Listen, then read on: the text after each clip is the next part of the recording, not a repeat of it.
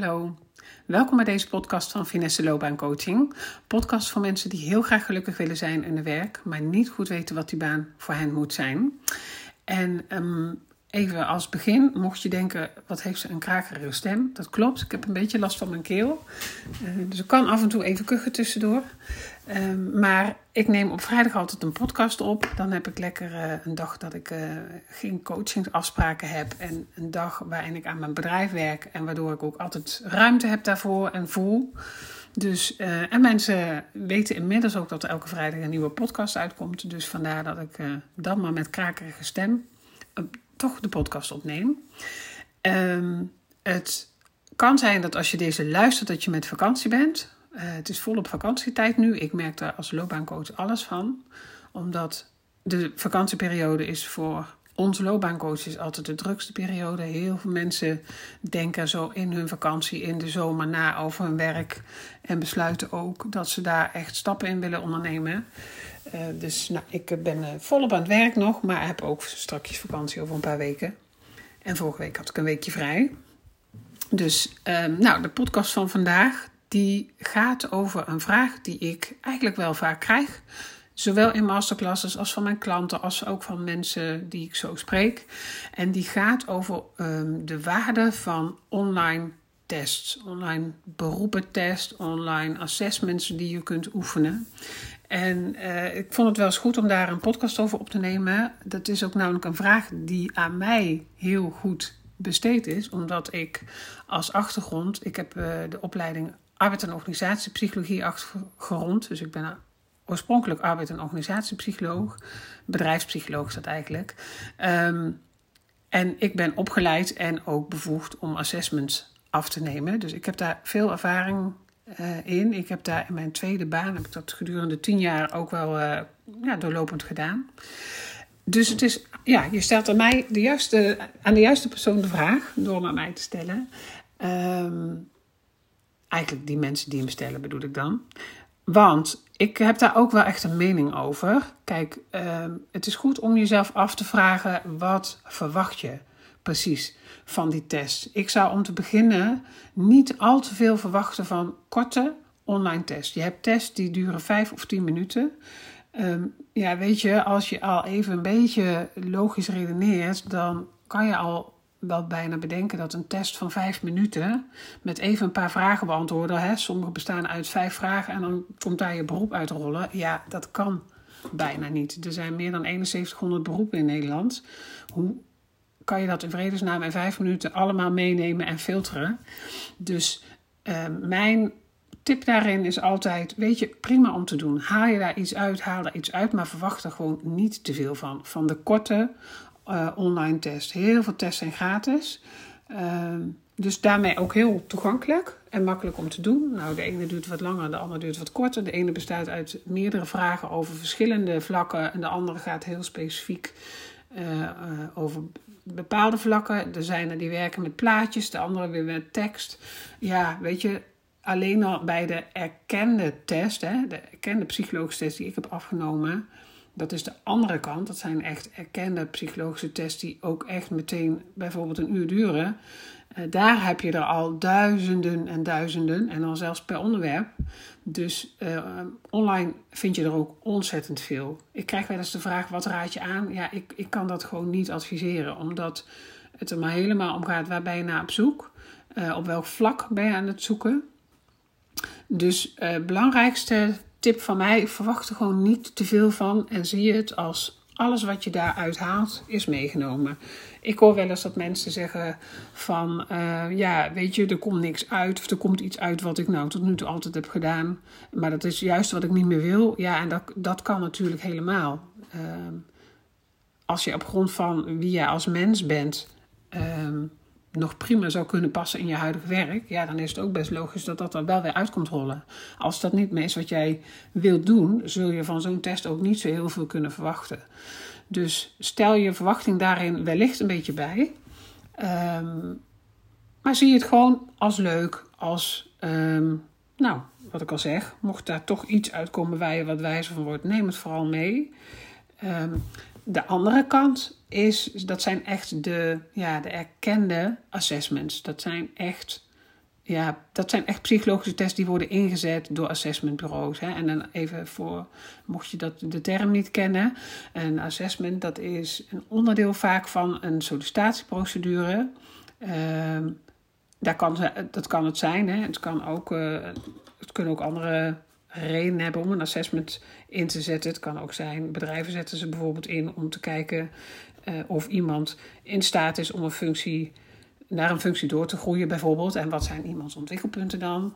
Uh, maar waar je het vaak, het meeste eigenlijk zelfs wel tegenkomt, is dat er staat in een sollicitatieprocedure dat een assessment een onderdeel is van een sollicitatieprocedure. En de test waar je dan mee te maken hebt, dat zijn gewoon hele, ja, dat zijn wetenschappelijk getoetste, bewezen, erkende tests. En, die duren ook vaak, nou, toch wel minstens drie kwartier ik krijg dan wel eens de vraag. Ehm, toevallig zag ik hem uh, vandaag nog in mijn mail binnenkomen van uh, een klant. Uh, die zei: waar, Hoe kan ik me daarop voorbereiden? Hele goede vraag. Dat is namelijk een wat ander verhaal. Als je op een bepaald moment in je leven een assessment zou gaan doen, om wat voor reden dan ook, daar kun je je op zich wel op, voor, op voorbereiden door. Um, vaak zie je in de uitnodiging al wel welke welke eh, onderdelen of welke competenties ze gaan meten.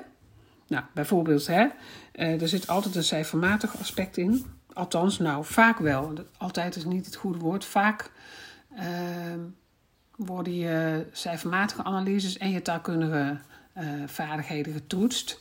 Die zitten er eigenlijk vaak wel allebei in. Nou, stel, laten we er even van uitgaan dat, dat het cijfermatige dat dat aan bod komt hoeft natuurlijk niet. Als het een functie is waar je dat helemaal niet nodig hebt, zal het er misschien niet in zitten. Maar bijvoorbeeld een intelligentietest of een capaciteitentest, die zitten er vaak ook wel in. En die bestaan dan ook wel weer uit die combinatie van cijfers en taal.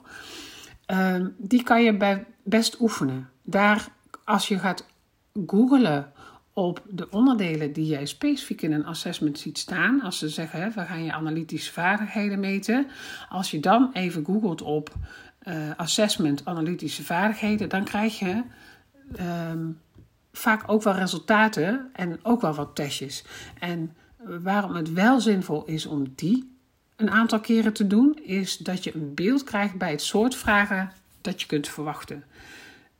Cijferreekjes is zo'n voorbeeld. Dat vind ik een hele duidelijke om als voorbeeld te pakken. Je hebt hè, soms van die cijferregels, reekjes, dat je de vraag krijgt, hè, ik noem maar even heel eenvoudig, 2, 4, 6, 8. Wat is dan het volgende getal? Nou, dat is 10. Als je die een aantal keer hebt gezien en geoefend, dan herken je hem gewoon sneller in een assessment, waardoor het kan zijn dat je hem gewoon wat sneller het antwoord ziet. Maar uh, dus ja, zeker waardevol om eens te kijken of je uitkomt op tests die op dat vlak uh, liggen die bij jou gemeten gaan worden. Maar verwacht ook daar niet te veel van um, het feit. Het kan zijn dat jij verwacht dat je dan een test vindt die jij ook zult gaan krijgen. En die kans is heel klein. Er zijn echt duizenden, duizenden tests. Ik heb al best vaak meegemaakt dat mensen zeiden: Nou, ik heb me voorbereid. Ik heb mezelf ook wel eens voorbereid op zo'n dag. Daar zal ik zo meteen wat meer over vertellen. Um, dat mensen zeggen: Ik heb me voorbereid, maar ik kreeg heel andere test. Ja, het is gewoon niet te bepalen, het is niet in te schatten welke je zult krijgen. Het is alleen wel helpend om als je dat soort dingen eens een keer hebt gezien, om dat je gewoon iets meer weet wat je ongeveer kunt verwachten. Dat het dan hele andere vragen gaan zijn. Ja, dat zal waarschijnlijk het geval zijn. Maar dan heb je er een beetje beeld bij. Dus voor de beeldvorming prima om dat te doen. Voor de snelheid van dat je de vragen zult herkennen is het ook misschien wel uh, helpend. Maar ook daar uh, ja, zul je je nooit helemaal kunnen voorbereiden. En verder is het goed om dan eens te googlen op wat houdt een assessment in. Ook daar, hè, elk assessment kan verschillen.